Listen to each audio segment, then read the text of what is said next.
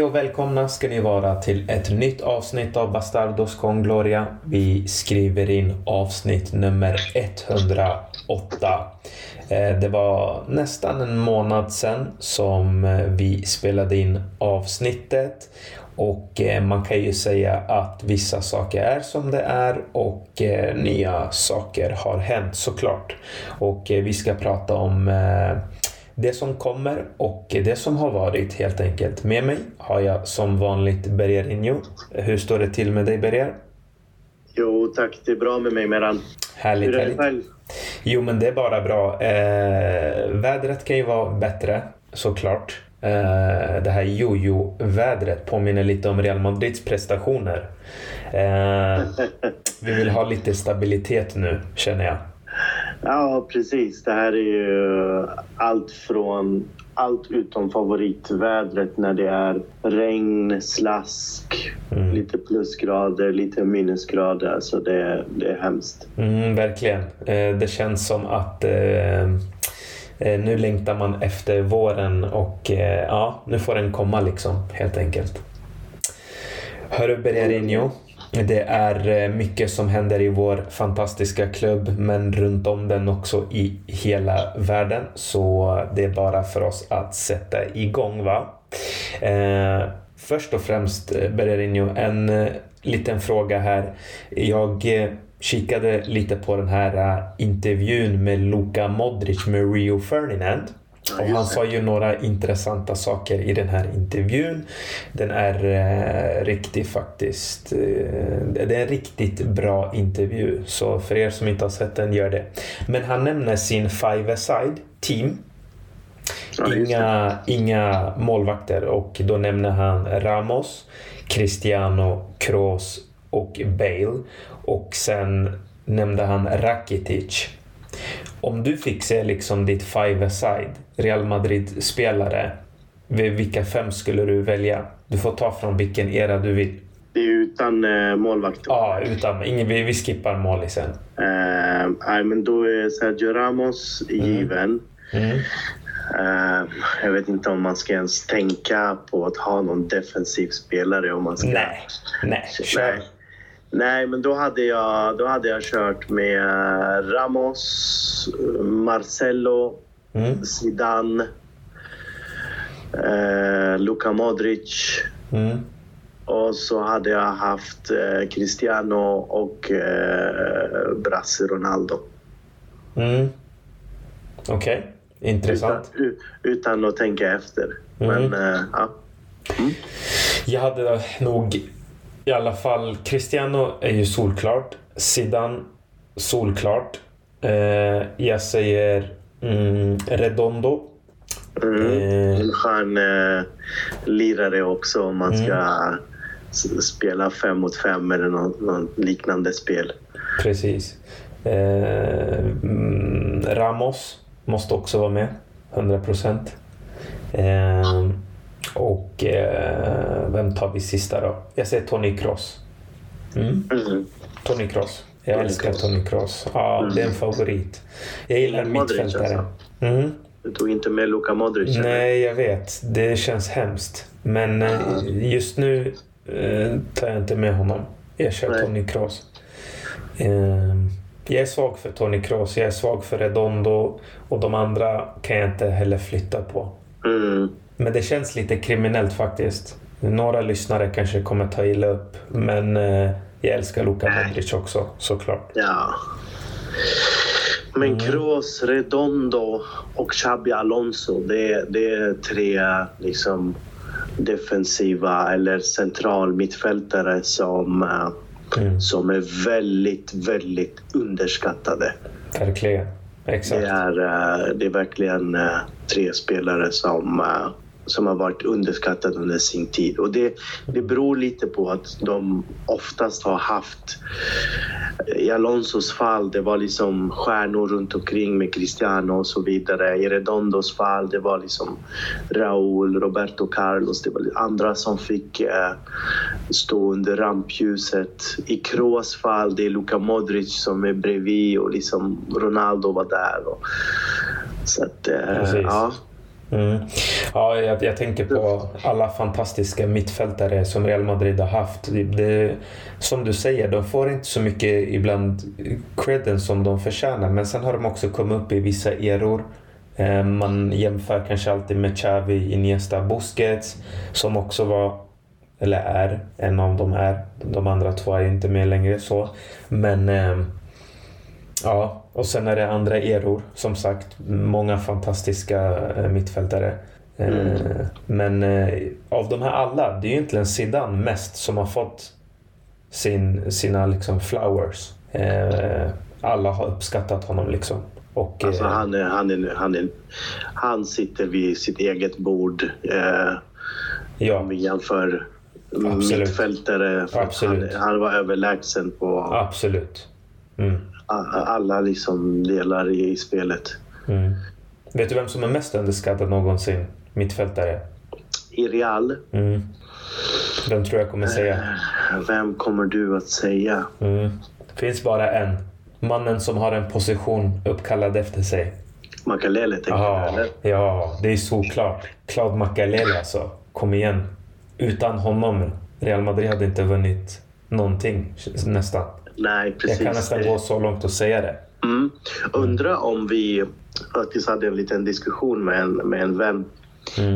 Uh, för det vart ju... Det blev ju som det blev. Vi behöver inte gå in på, på den tiden efter nej, att Makalele lämnade. Men mm. undrar om uh, liksom Casemiros frånvaro nu kommer att ha någon viss påverkan mm. Real Madrid ett par år mm. framåt eller tills någon annan fyller hans skor på något sätt. Uh, för det var en stor smäll när Makelele lämnade och Verkligen. hittills så ser det inte så lovande ut när Casemiro har lämnat. Nej men alltså det är bra jämförelse faktiskt. Och, eh, men eh, vi lever i sådana snabba tider nu för tiden. va Och eh, det är väl när allting lägger sig som man får väl bearbeta eller man får väl utvärdera hur det gick. Vi vet inte riktigt än. Vi får se. Mm.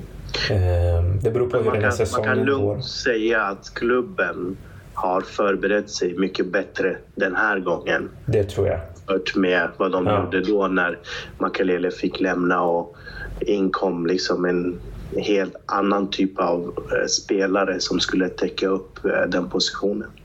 Precis, och exakt. Det, är en annan tid. det var en annan tid. Real Madrid satsade annorlunda. Nu satsar man på ett helt annat sätt. Jag håller med. Mm. Mm. Men det ska bli intressant att se framåt hur det kommer gå.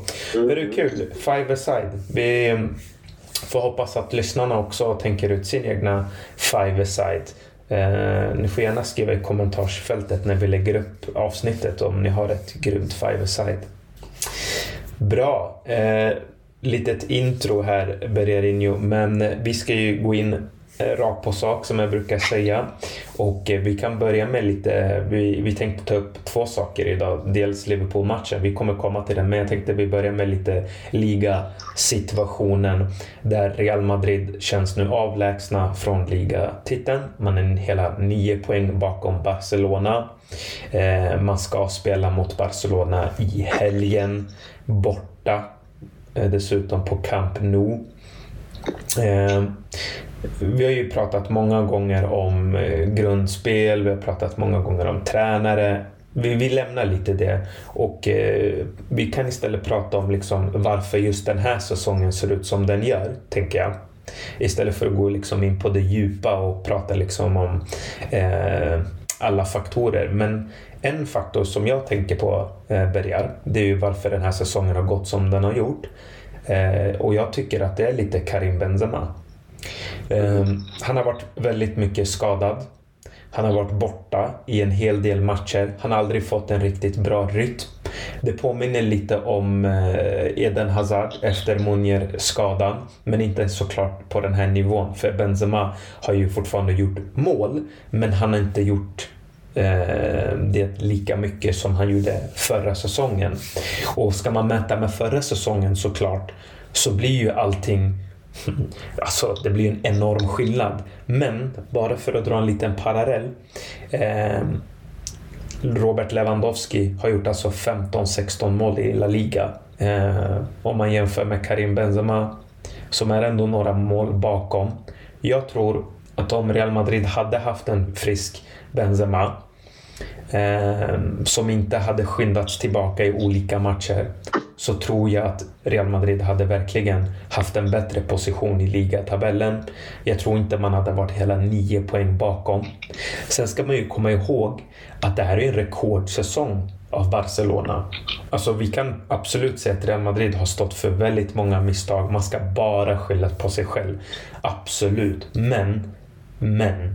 Det här har varit en säsong då Barcelona inte har tappat poäng. Och det är mentalt jobbigt. Det ser man bara till exempel i Premier League. Alltså City, de ser ju att Arsenal tappar inte poäng.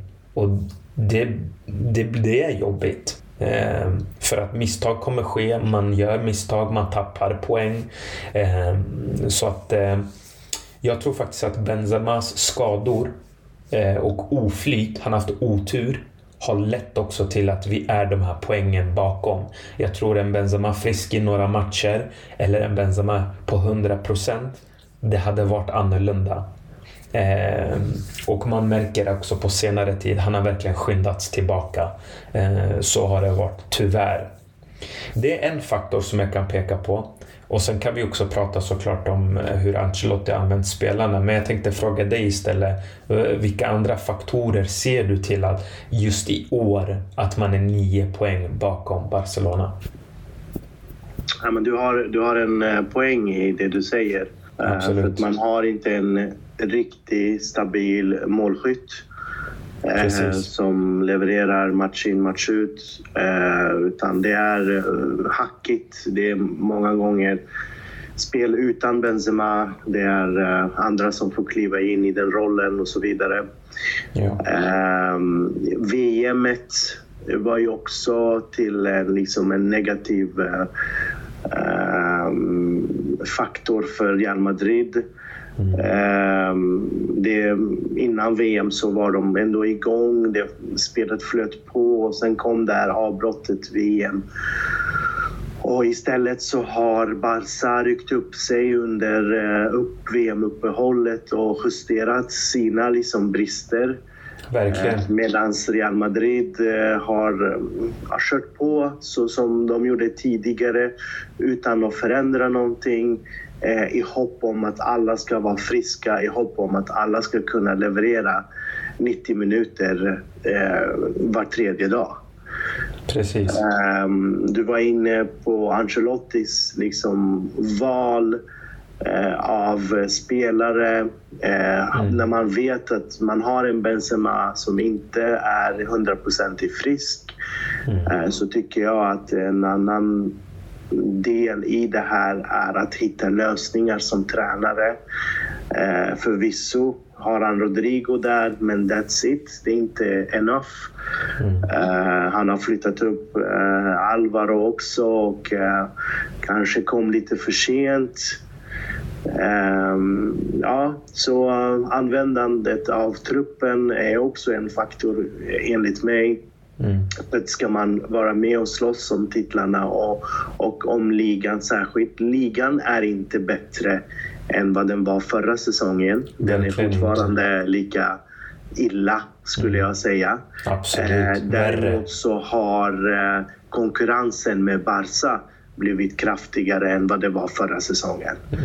Eh, förra eh, säsongen så var det Sevilla som var med och slogs om titeln med Real Madrid eh, in i mars-april. Eh, nu är det tidigt eh, liksom Barca-press och som du var inne på också rekord. De tar sina 1-0-segrar och, och eh, det blir eh, absolut tufft för Real Madrid mentalt. Jag tror inte de var redo eller förberedda på att det skulle gå så här bra, om vi ska kalla det bra, mm. Eh, för Barcas del att, att de ska plocka så många poäng som de, som de har gjort. Precis. Jag håller helt med dig och eh, man måste ju också tänka någonstans att eh, Eh, Real Madrid, tror jag, också inte förstod vikten av det här VMet som du säger. Jag tror där är nyckeln. Många klubbar har verkligen känt av det här VMet och man har inte haft riktigt trupperna för att klara det här tuffa spelschemat. För den är ju otroligt intensiv. Det är supercuper, det är Copa del Rey, det är VM för klubblag, det är, eh, ah, men alltså det är allt möjligt. Resor till Saudi. Ehm, så jag tror faktiskt att Real Madrid inte var beredda på det här.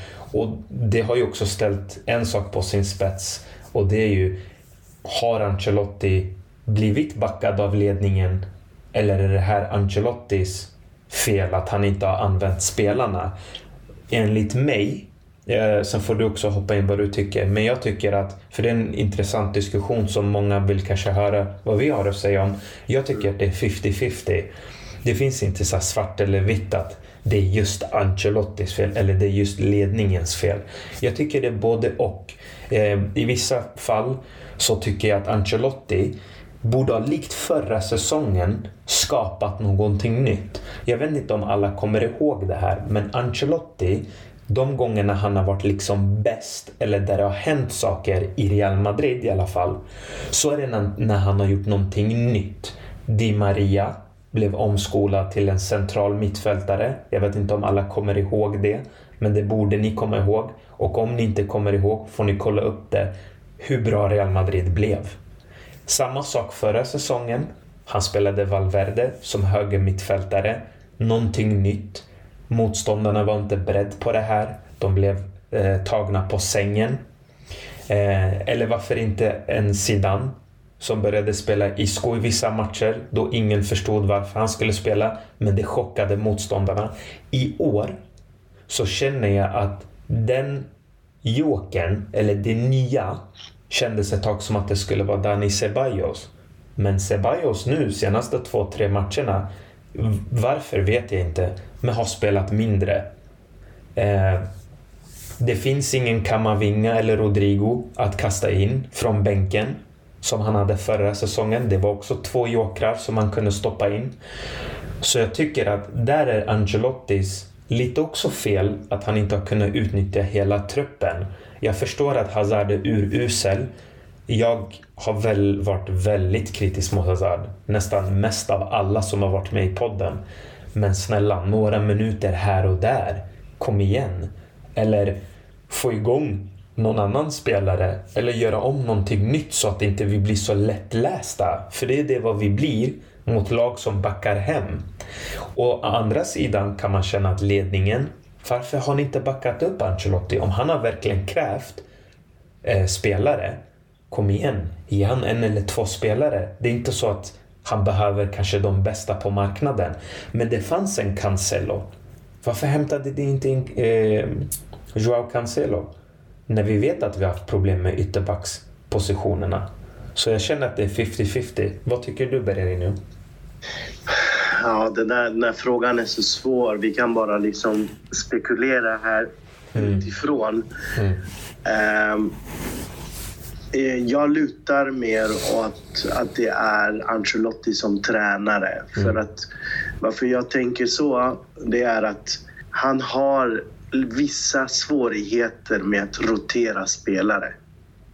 Mm. Och du var, nämnde Ceballos till exempel, som för en månad sedan var kanske Real Madrids bästa spelare.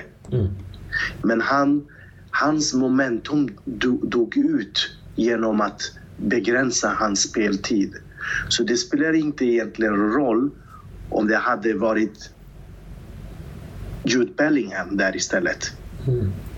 När du inte ger den möjligheten, när du inte släpper fram den här spelaren så den får mm. ha sin liksom, tid, sin momentum som de är inne i eh, och istället begränsa dem för att luta dig tillbaka och spela med din ordinarie elva. Mm. Igen insistera på att men det ska vara Kroos och Modric när vi möter Espanyol hemma. Mm. Till exempel. Eh, då har jag det lite svårt att tänka liksom vad skulle ledningen ge honom? Alltså, du kan inte ge honom en bättre anfallare än vad Benzema är.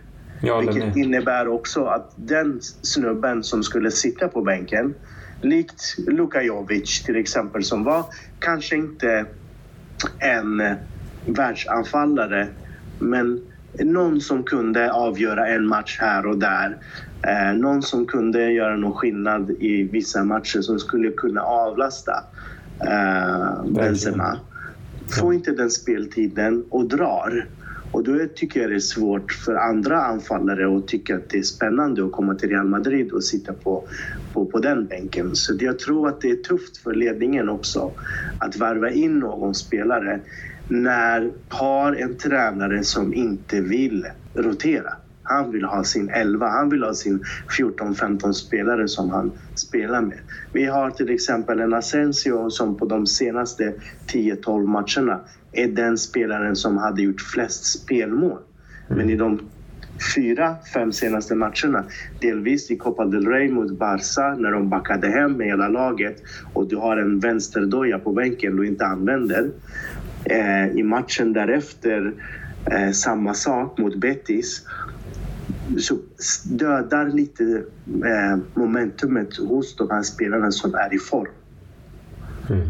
Ja, och då är det som sagt, då är det svårt för mig att tänka att eh, ge honom bättre spelare han skulle ha roterat eller han skulle ha gjort annorlunda. Säkerligen, kanske, men jag ser inga tendenser på att han skulle ha gjort det med tanke på det beteende, det vi ser eh, hos honom under den här säsongen. Delvis under liksom, nästan he- hela halva delen av förra säsongen Exakt. innan PSG-matchen och börja liksom känna att okej, jag tar ut Kroos, jag kastar in 19-åringen Kamavinga. Det får, det får hända vad som händer liksom. Och det visade sig att det blev positivt. Mm. Det blev skillnad. Eh, Precis. och som du var inne på, det här överraskningsmomentet finns inte längre. Eh, alla vet att eh, nu spelar Real Madrid och nu är det minut 75 och då kommer Ceballos in nu. Sen kommer Asensio. Eh, Nacho kommer in, även om vi behöver stänga igen där bak eller inte. Eh, sedan är det, ja, då man får liksom slå en slant och se vem som får den på bänken. Och oftast är det varken eh, Hazard, Mariano, Vallejo, Odriozola eller något liknande. Det blir någon, eller så gör han inga byten överhuvudtaget. Ja. Och för mig kan man inte vinna en liga när du inte använder dina i alla fall 23, 22-23 spelare. Mm. Och jag har svårt att liksom se eller på något sätt acceptera när man säger att den här spelaren är inte bra nog för att spela i Real Madrid. Eh, ja, vi har några sådana som inte är bra nog Mm. för att kanske starta mot Liverpool hemma imorgon. Men de är bra nog för att spela 20 minuter mot Espanyol på hemmaplan så att du vilar en Vinicius, du vilar en Militao, du vilar en Carvajal. De vet inte ens vad vila är. Förstår du vad jag menar? Mm. Så de kan vara redo för Liverpool, för Barcelona och eventuellt eh, motstånden därefter. Mm. Så att det, det finns inte en liksom ett spel i förebyggande syfte där man känner att okej, jag har två, tre matcher framåt där jag eh, eh, måste förbereda för. Så idag så är det Benzema, Vinicius, Rodrigo och sen nästa match så byter jag ut alla de här tre och de får en välförtjänt vila. Eh, Jag kastar in Hazard, Mariano och Asensio. Eh, Och sen kommer man till de här stora matcherna och då har man fräscha spelare som man kan, som man kan spela med. Vi var inne på Benzemas fall. Han har varit skadedrabbad under hela hösten. Mm. Eh, delvis nu också. Ja, precis. Att, att man ändå insisterar på att han ska spela 90 minuter när han väl är frisk. Det är sjukt för mig. Det, det, det är jäkla sjukt alltså. Ja, exakt. Och jag menar, jag tänker så här, de som pratar om att det här skulle vara då ledningens fel. Jag är den första som kan kritisera en ledning. Det vet alla som har eh, läst det jag skriver, det jag har sagt. Eh, jag tycker att man gjorde fel när man planerade inför den här säsongen. Absolut. Eh, men det är väldigt svårt att köpa spelare idag. Det är en marknad som är helt sjuk. Den är helt galen. Spelare går för miljarder. Och jag menar, Berger, om du tänker efter. Hur många klubbar har en vettig backup striker? Vi kan ta det bästa exemplet. Manchester City. De har ju Haaland och eh, Julian Alvarez. Vad har Julian Alvarez gjort under de här månaderna efter VM? Han har inte ens luktat på plan. Jag tror inte ens han har gjort ett enda... Jag vet inte om han, han har gjort ett mål. Nej. Så att jag menar, det är inte enkelt för Real Madrid, som ledningen då, att bara gå och köpa spelare på marknaden eller köpa backup. Det finns inga bra backups nästan. Vem skulle man ha köpt? Nej, och medan man går inte in med den inställningen mm. om att man ska köpa en backup-spelare. Nej, man går inte in med den inställningen att ja, men den här killen tar vi. Han kan spela sista fem minuterna mm. mot Cadiz, Espanyol, eh, Elche med all respekt till de här lagen hemma. Nej, man går in med den inställningen att det här är en spelare som förhoppningsvis tar en startplats eller blir en viktig spelare för Real Madrid. Det är så man går in. Och, och för att kunna göra det, mm. kolla om, om, om du har till exempel spelsätt och eh, köper in spelare efter spelsättet, absolut. Då får du de spelartyperna. Det kan vara olika namn. Mm. Ibland behöver inte det vara stora namn. Det är bara spelare som kan passa in spelsättet. Sen kan du också spela in, spela, köpa in lite stjärnor som Real Madrid gör. Mm. Eh, och har du en tränare där du till exempel nu Alvaro som spelar lite då och då. Eh, Alvaro Rodriguez, han 18-åringen från, eh, från Castilla. Om du spelar med honom vecka in, vecka ut, 10 minuter, en kvart och han inte är tillräckligt bra, då kan du plocka bort honom och så sätter du in en bättre spelare där. Och då är en bättre spelare sugen på att komma till Real Madrid och spela för den vet, den spelaren vet att det är, den, det är de minuterna jag kommer att ta. Precis. Men idag så finns inte de minuterna för någon att välja. Det är liksom så här, här är våran elva. Resten utanför elvan, good luck. Ja. Du måste vänta in en skada. Du måste vänta in en, liksom, en avstängning. Mm. Eh, du måste vänta in i värsta fall att du, vi, har, vi, saknar en, vi saknar alla våra vänsterbackar så, så du som mittfältare kan gå och ta den positionen. Mm. Precis, och jag menar precis, 100 procent. Alltså man vill ju kunna uppgradera sin trupp och kan man inte göra det, då måste tränaren jobba med det de har. Min enda kritik är att vi skulle kunna ha värvat ytterbackar, för där finns det ytterbackar att köpa eller låna som är bättre än de vi har nu. Men i det stora hela, alltså jag har tänkt på det många gånger och sagt Nej, men vi behöver förnya och vi behöver det i sommar också. Men då ska vi också göra det bättre. Om, om Benzema ska dra, då måste det komma in en minst lika bra som Benzema. Eller någon stjärna nu då. Eller om vi ska hämta in en, in en ytter, då måste vi vara beredda på att vissa spelare kommer hamna på bänken som vi inte vill ska hamna på bänken. Och så vidare. Ja. Alltså man måste ju vara beredd på det här. Ja, alltså tar vi Cancelo till exempel, mm. så som du tog upp. Mm. Vet du att Real Madrids trupp, Real Madrids trupp besitter eh, sex eller sju högerbackar egentligen. Alltså sju spelare i den här truppen mm. som kan spela högerback. Precis. Och då går inte ledningen och hämtar en, in en ny högerback för att det sitter redan två, tre andra högerbackar mm. som knappt får spela. Mm.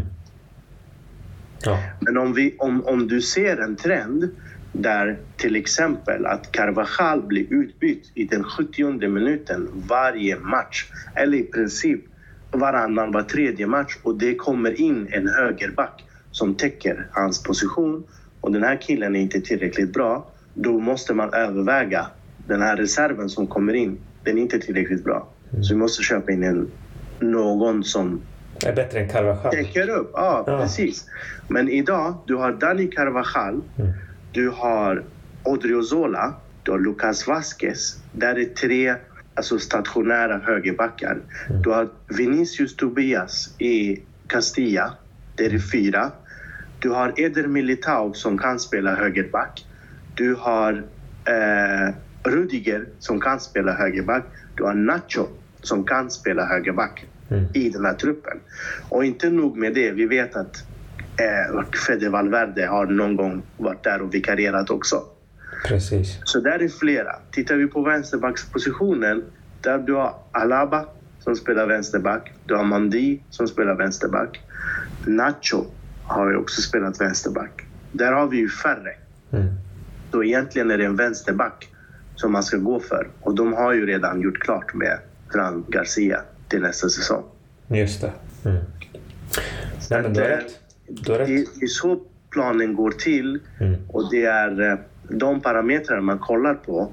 Det är inte bara in med liksom, spelare för att de måste också användas. Du tar inte bara in spelare som ska ruttna på bänken. Exakt. En Vlahovic eller en Jude Bellingham som du säger. Som du säger, om man inte vä- värvar in dem, eller om man värvar in dem, då måste man också använda dem. Det går ju inte att ha en Vlahovic för 70 miljoner euro eller 80, 90, 70, 80, det är en dröm. 90. Eller en Jude Bellingham för en miljard på bänken. Det är inte så det här funkar. Det är inte Fifa. Man måste ju fortfarande kunna använda dem. Och, så jag håller med dig. Det lutar lite mer åt att det är ändå Ancelottis fel. Och alltså spelmässigt, jag behöver inte ens gå in på det för vi har gjort det tusen gånger. Jag orkar inte dra den igen. Men som du säger, det lutar mer åt det hållet. Men med det sagt såklart, ledningen ska ta visst ansvar. Kanske att man kunde ha värvat en ytterback. Eh, kanske någon offensiv pjäs någonstans. Men det Ja. är inte enkelt. Det är inte alla Nej. som accepterar bänk. Och när man inte gör det Mm. så finns det några namn som aldrig får minuter, eller väldigt sällan. För mig, det, det är terrorism. Det är, det är sjukt att sedan att Ed, Eden Hazard spelade ligamatch i september Mm. och att han inte har spelat sedan september i ligan. Och som i hans intervju häromdagen, apropå intervjuer, i, igår sa han ju själv. Alltså ni kan inte förvänta att jag kan komma in och göra fem mål. Jag har inte spelat Mm. på, på länge. Precis. Men ge, ge mig några minuter bara. Alltså, få mig att spela lite. För att jag menar, Hazard är inte den Eden Hazard han var i Chelsea. Absolut inte. Nej. Men det är fortfarande en spelare med väldigt mycket erfarenhet, med rutin. Äh, liksom, han skulle kunna göra skillnad. Vi, vi såg mot Celtic den här säsongen när han väl kom in istället för Benzema Mm. och förändrade matchen. Så han, hade det, han har det där lilla i sig. Ancelotti säger på presskonferensen nu inför Liverpool, Hazard har rätt. Jag pratar knappt med honom. Varför? Mm. Mm. Nej, det, det är en bra fråga. Och, eh, Alltså varför? Mariano är värdelös, jag håller med. Det är inte, det är inte en Real Madrid-spelare så. Men visst kan han göra mål mot bottenlagen i La Liga. Ja, men vi som ville ha en backup. Jag menar, folk glömmer bort. Mariano var en 20 plus målskytt i ligan. Precis. Han hade gjort 21 mål för Lyon. Han var, han var eftertraktad av Liverpool bland annat. Eftertraktad av flera toppklubbar i Europa innan han valde Real Madrid. Så att, mm, ja. Ja. Och de kommer till oss och jag tycker att de ruttnar på Reals bänk. Mm, Det gör de. Alltså, de ruttnar så pass mycket att de inte kan leverera längre. De går upp i vikt. De, eh, vi snackar om att de tränar inte Mm. som alla andra. Ja, det är klart de inte kan göra det. Alla andra är i matchform. De här är inte ens i matchform. Mm. De här killarna har inte samma intensitet som alla andra. Så de kan inte leverera på samma sätt. Jag håller med. Det, då, det man måste göra det är att 10 minuter här, 5 där, 20 där och så vidare. Helt plötsligt så har du en trupp som håller sig varm och det kommer att komma en låsning i någon match. Okej? Okay? Där du bara kastar in någon spelare som inte har gjort ett skit på hela säsongen och gör mål i den matchen och avgör den åt dig. Precis. Ja men det, exakt. Du, det, så här. Du och jag sitter inte här och säger att Mariano och Hazard är oskyldiga. De har också sitt i det här. Inte. Det är klart. Men kom igen, några minuter här och där. Få igång dem då. Det är ju din uppgift som tränare. Om du har några omotiverade spelare, det är du som ska också försöka sätta igång dem. Men återigen, det här kommer tillbaka då till taktik, grundspel, allt sånt där. När man inte har något sådant utpräglat, väldigt svårt individuellt också att bara kasta in dem. För det är oftast det som händer ibland med Ancelotti. Jag var inne på det här förra säsongen, jag pratade om det. Det känns ibland onaturligt vissa grejer när de sker. Det är liksom att man bara kastar in för att kasta in. Det finns inte riktigt någon tanke.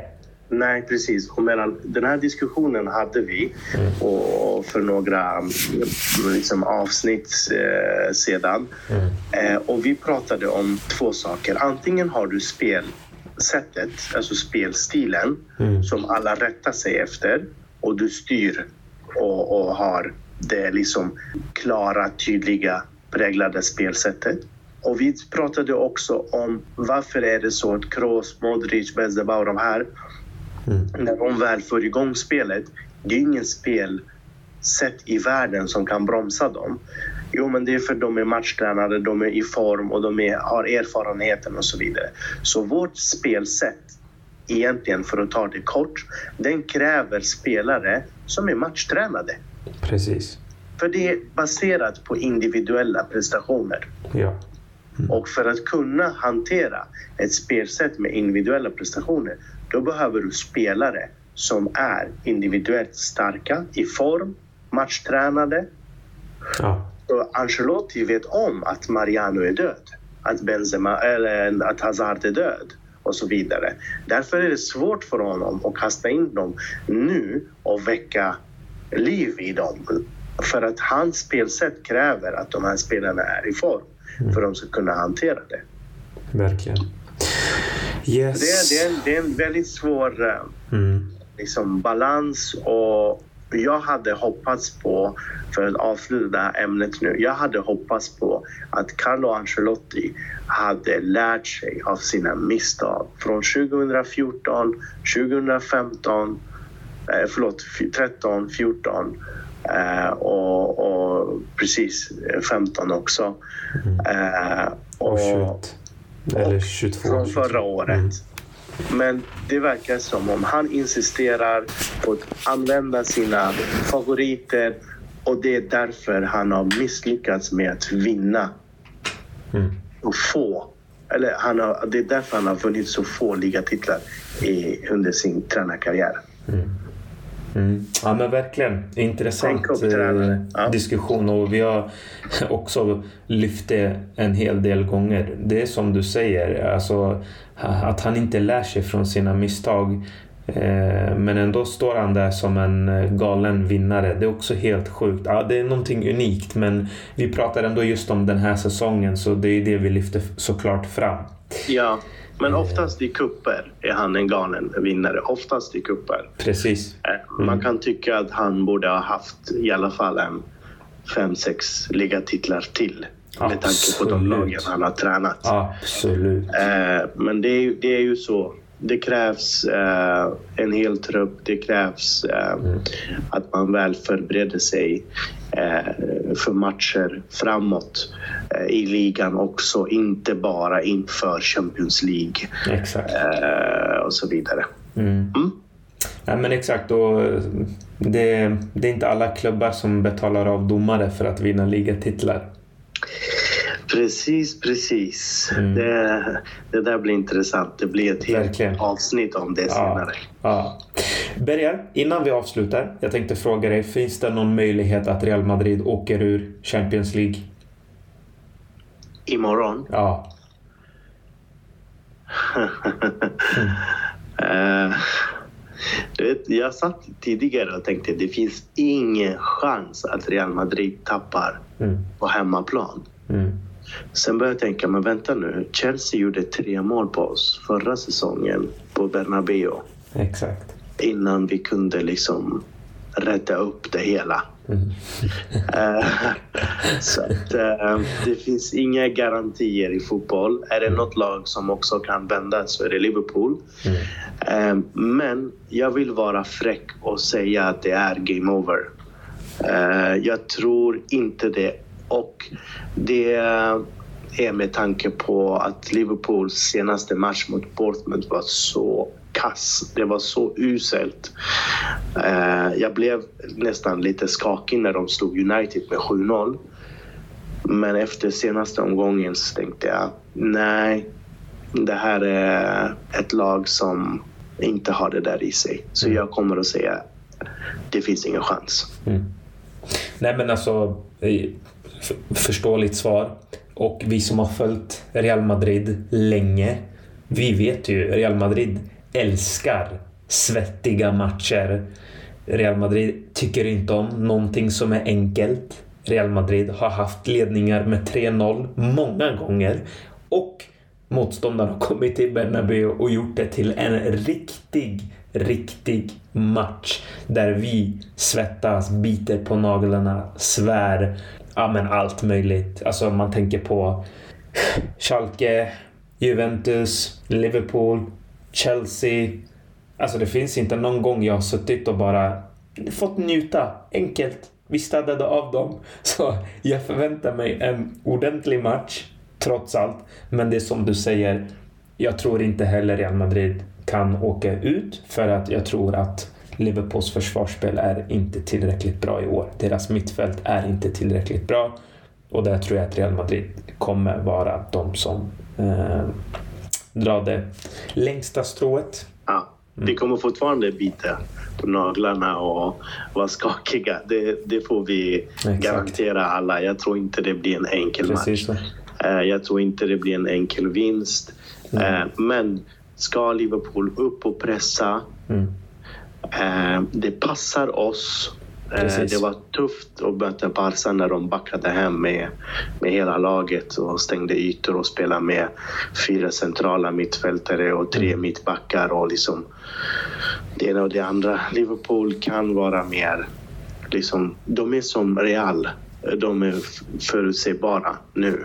Man Precis. vet vad man får. Ja. Eh, jag tror inte Klopp eh, gör något nytt, men skulle han överraska imorgon mm. då ja, då kan det finnas en, en chans för dem. Men eh, mm. gör han det han brukar alltid göra så ska det inte finnas någon möjlighet.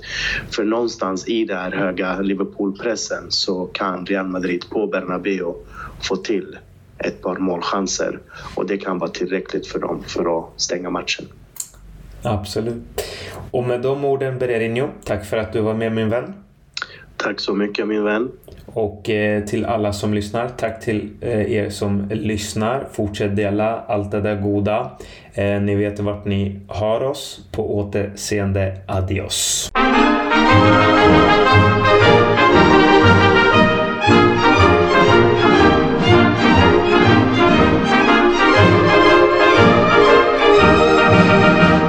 Las glorias deportivas